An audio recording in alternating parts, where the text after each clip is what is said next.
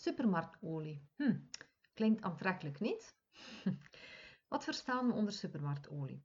Wel, supermarktolie wordt gebruikt om onder andere margarines, dressings, mayonaises, bak- en braadolie mee te maken. Maar ze zitten ook in tal van andere producten zoals kant-en-klare maaltijden, koekjes bijvoorbeeld.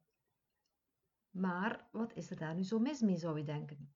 Wel, die olie is zo geraffineerd of bewerkt en chemisch dat je de olie niet meer kunt vergelijken met het beginproduct. Dus je kunt het niet vergelijken met de planten, zaden, noden en dergelijke meer waar ze de olie uithalen, zoals zonnebloemolie bijvoorbeeld. Eigenlijk zou je de olie kunnen vergelijken met geraffineerde of bewerkte witte suiker en wit meel die ze gebruiken voor wit brood en pasta.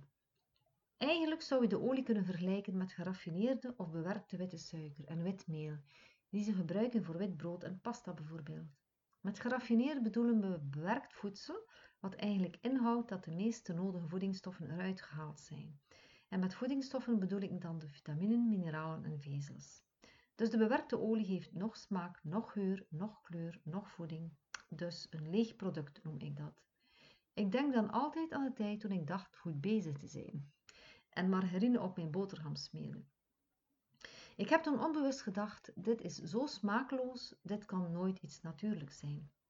Maar waarom doen ze dat? Omdat verse onbewerkte olie niet zo lang kunnen bewaard worden als de bewerkte versie. Logisch toch, als ze er uiteindelijk alle voedingsstoffen uithalen. En omdat de chemische bewerking sneller gebeuren dan de natuurlijke. Dit kost de voedingsindustrie te veel tijd. Zo kan de voedingsindustrie meer winst pakken. En daar draait het om, niet om onze gezondheid. Maar wat ik eigenlijk nog het ergst vind, is dat ze de noodzakelijke voedingsstoffen die ze eruit halen, ons iets anders in de plaats geven. En dat is niet positief, want het zijn gifstoffen die ons ziek maken. Daar heb ik het een andere keer wel over. Val jij voor de prachtige vermeldingen op de verpakkingen zoals zuiver plantaardig? Hier zit echt niets aardigs meer aan.